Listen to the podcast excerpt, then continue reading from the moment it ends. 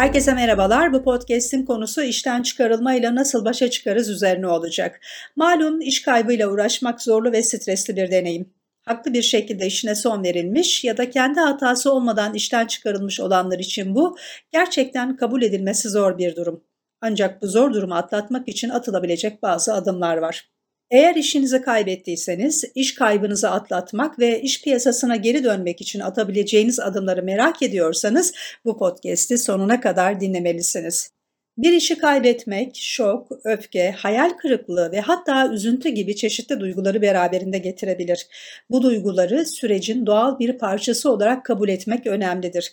İşten çıkarılma ile ilgili hatırlanması gereken ilk şey bunun kariyerinizin sonu anlamına gelmediğidir. İşten çıkarıldığınızda mali durumunuzu değerlendirin ve işsiz olarak ne kadar süre ayakta kalabileceğinizi belirleyin. Tasarruflarınızı, harcamalarınızı ve sahip olabileceğiniz diğer gelir kaynaklarını gözden geçirin. Bütçe oluşturmak bu geçiş döneminde mali durumunuzu etkili bir şekilde yönetmenize yardımcı olabilir ne kadar süre işsiz kalacağınızı tahmin etmek zor olacağından ve işsizlik maaşına zamanında başvuru yapın. Yasalara uygun olmayan şekilde işten çıkarılmanız halinde buna haksız işten çıkarma diyoruz.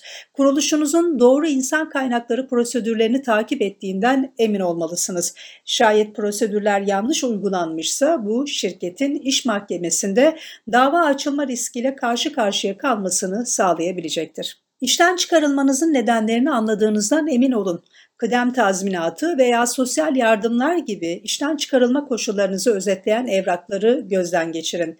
Sorularınız varsa açıklama almak için eski işvereninizin insan kaynakları departmanına veya hukuk danışmanına başvurun. Durum ne olursa olsun şirketinizden profesyonel olarak ayrılmanız önemlidir. Yöneticinize veya iş arkadaşlarınıza kaba davranmayın. Suçlayıcı e-mailler göndermeyin.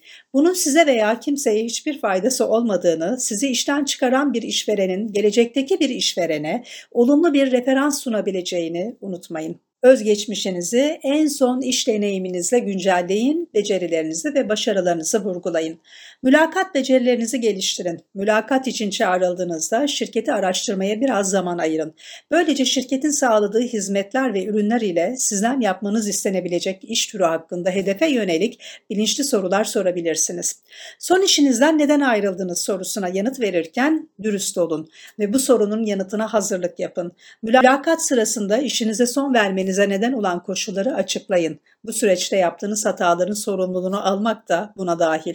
İster yeni bir iş aramak, ister ek eğitim almak veya kendi işinizi kurmak olsun. Sonraki adımlarınızı düşünün. Becerilerinizi geliştirmek için kurslara, atölye çalışmalarına katılmayı veya sertifikalar almayı düşünün.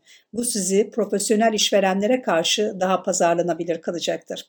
İnsanların aktif olarak yeni iş fırsatları aradığınızı bilmelerini sağlamak için profesyonel ve kişisel ağlarınızdan yararlanın. İşinizi kaybetmek ya da iş aramak zorunda kalmak utanılacak bir şey değildir.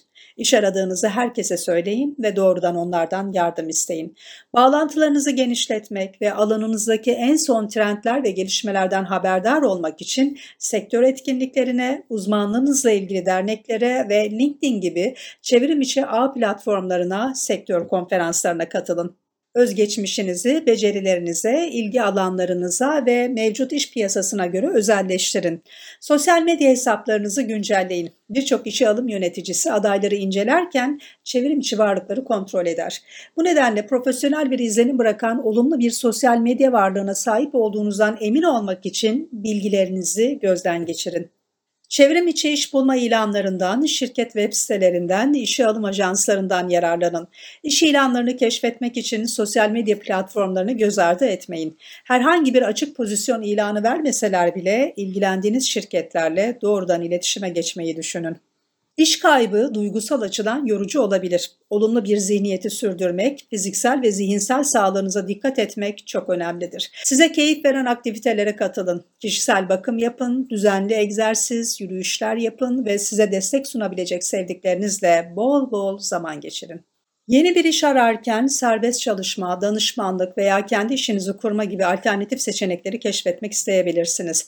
Bu yollar geçici gelir sağlayabilir ve potansiyel olarak kariyeriniz için yeni fırsatlar yaratabilir. İş kaybının duygusal etkisiyle başa çıkmakta zorlanıyorsanız bir kariyer danışmanından veya koçundan rehberlik almayı düşünün.